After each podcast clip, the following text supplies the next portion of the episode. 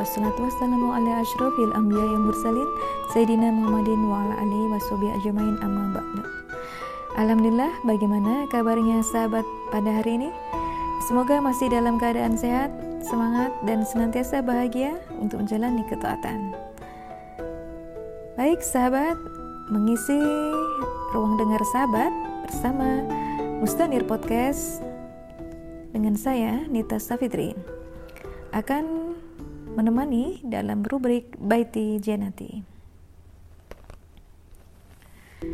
Rubrik Baiti Janati kali ini akan membahas uh, tentang mewujudkan keluarga Islami. Sahabat, keluarga Islami adalah dambaan bagi setiap kaum muslim. Keluarga yang sakinah, mawadah warahmah ya, dengan pasangan yang solih solihah, suami istri yang menyejukkan mata dan jiwa, serta anak-anak yang cerdas dan berbakti, merupakan uh, keluarga yang sangat ideal ya bagi kaum muslim. Di bulan Dzulhijjah kita juga telah mengenal ya sosok keluarga ideal yaitu keluarga Nabi Ibrahim bersama istrinya ya Eh, Siti Hajar dan anaknya Nabi Ismail. Keluarga ini telah ditempa ujian yang sangat berat, tapi ternyata uh, mereka berhasil melaluinya dengan uh, bahagia, gitu ya, dengan akhir yang bahagia.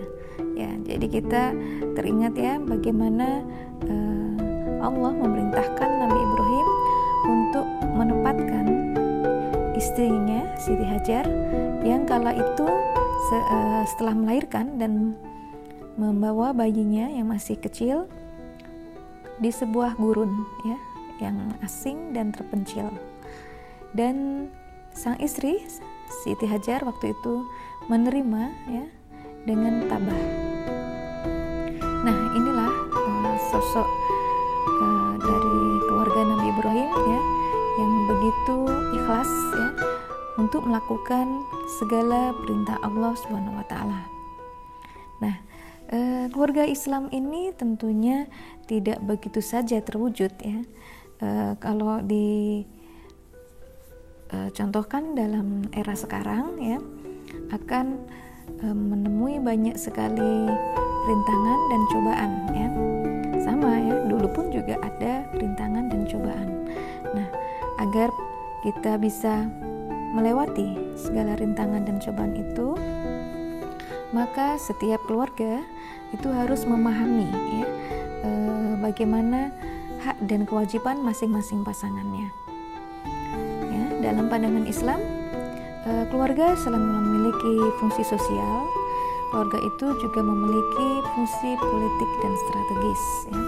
Secara sosial, keluarga adalah ikatan terkuat yang berfungsi sebagai peranata awal pendidikan primer. Ayah dan ibu adalah sumber pengajaran pertamanya. Keduanya sekaligus menjadi tempat membangun dan mengembangkan interaksi harmonis untuk meraih ketenangan dan ketentraman hidup satu sama lain.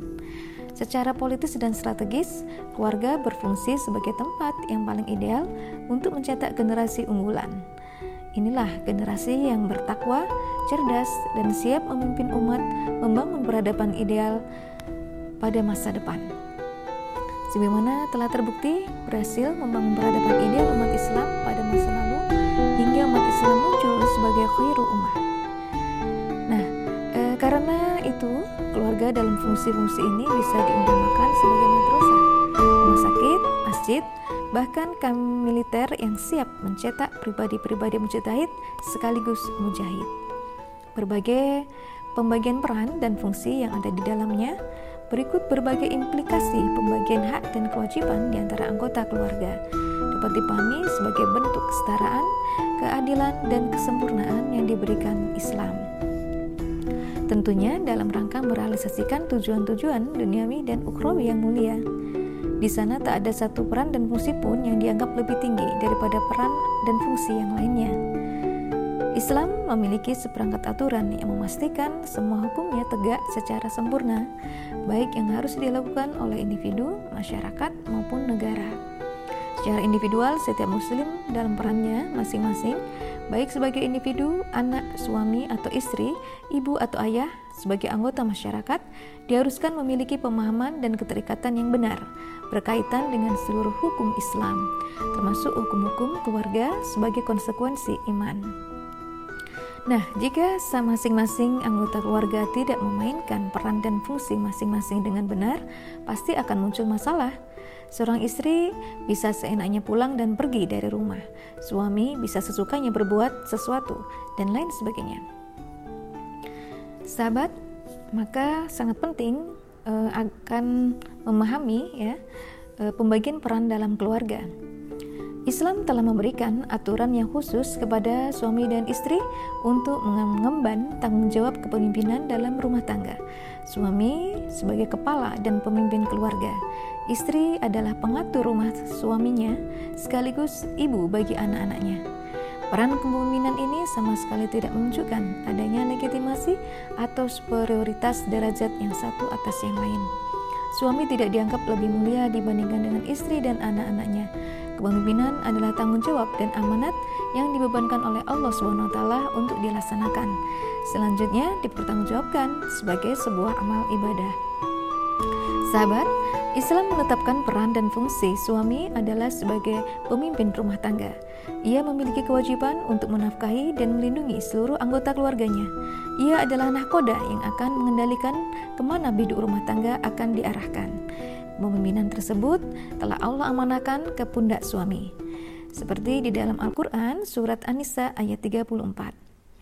Sahabat, sebagai pemimpin keluarga, suami berkewajiban memberi nafkah yang layak kepada istri dan anak-anaknya seperti tercantum dalam surat Al-Baqarah ayat 233.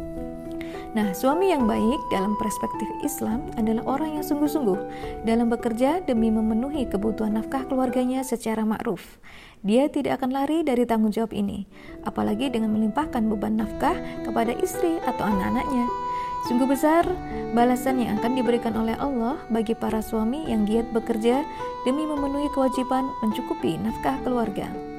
Rasulullah Shallallahu Alaihi Wasallam pernah menyalami tangan Saad bin Muad radhiyallahu anhu. Kedua tangan Saad tampak kasar. Nabi Shallallahu Alaihi Wasallam lalu bertanya kepada Saad mengenai hal itu. Saad pun menjawab, Aku selalu mengayunkan sekop dan kapak untuk untuk mencari nafkah keluargaku. Kemudian Rasulullah Shallallahu Alaihi Wasallam mencium tangan saat seraya bersabda, inilah dua telapak tangan yang disukai Allah swt. Hadis ini disebutkan oleh Asar Khasi dalam Al-Mabsud.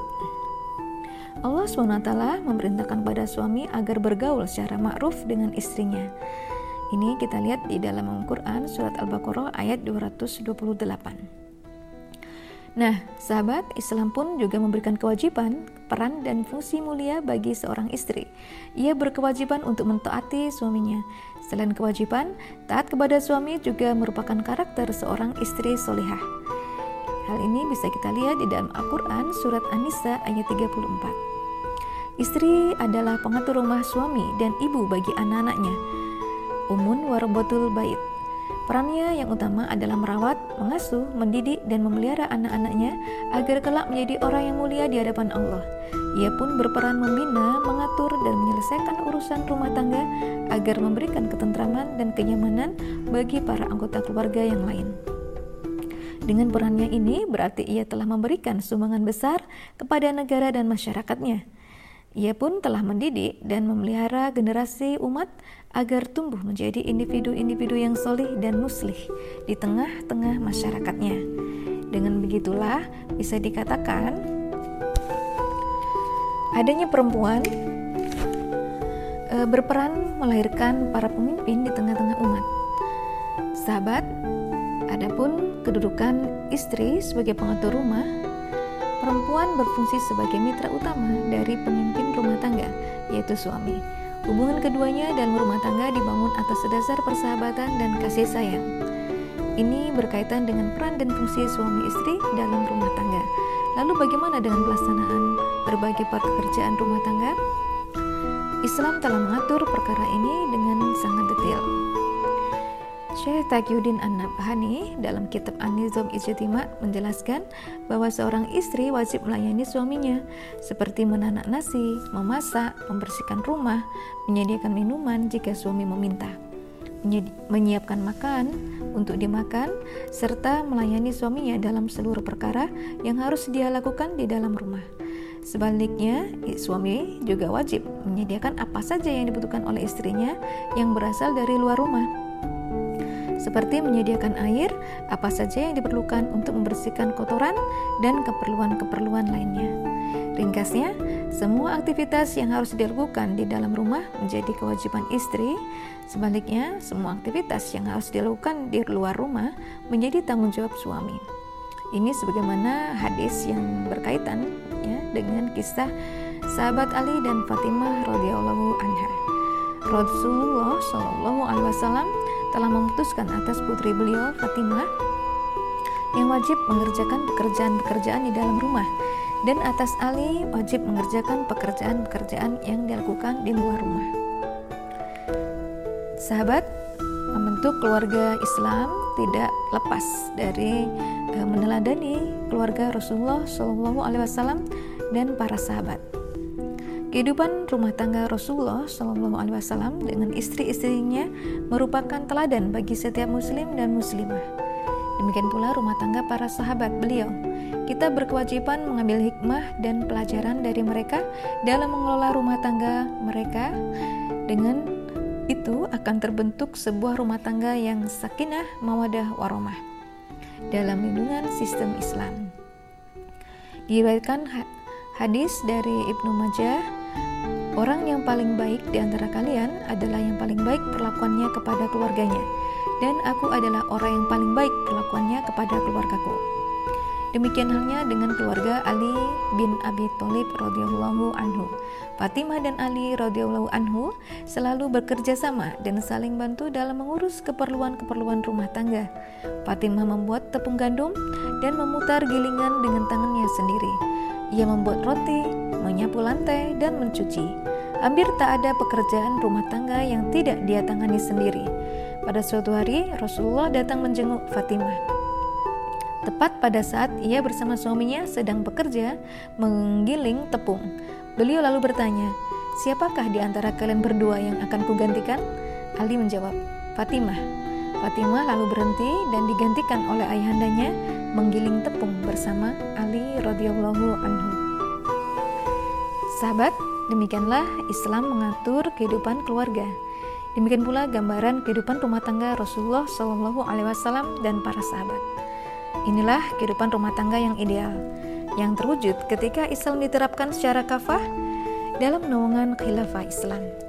Itulah keluarga yang kuat serta ideologis yang hanya akan terwujud melalui metode yang sesuai dengan tuntunan syariah Islam dan dukungan sistem politik Islam.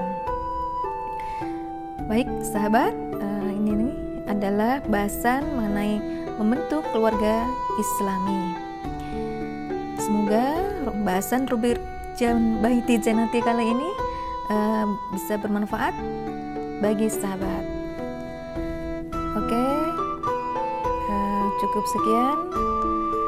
Terima kasih atas perhatiannya. Wassalamualaikum warahmatullahi wabarakatuh.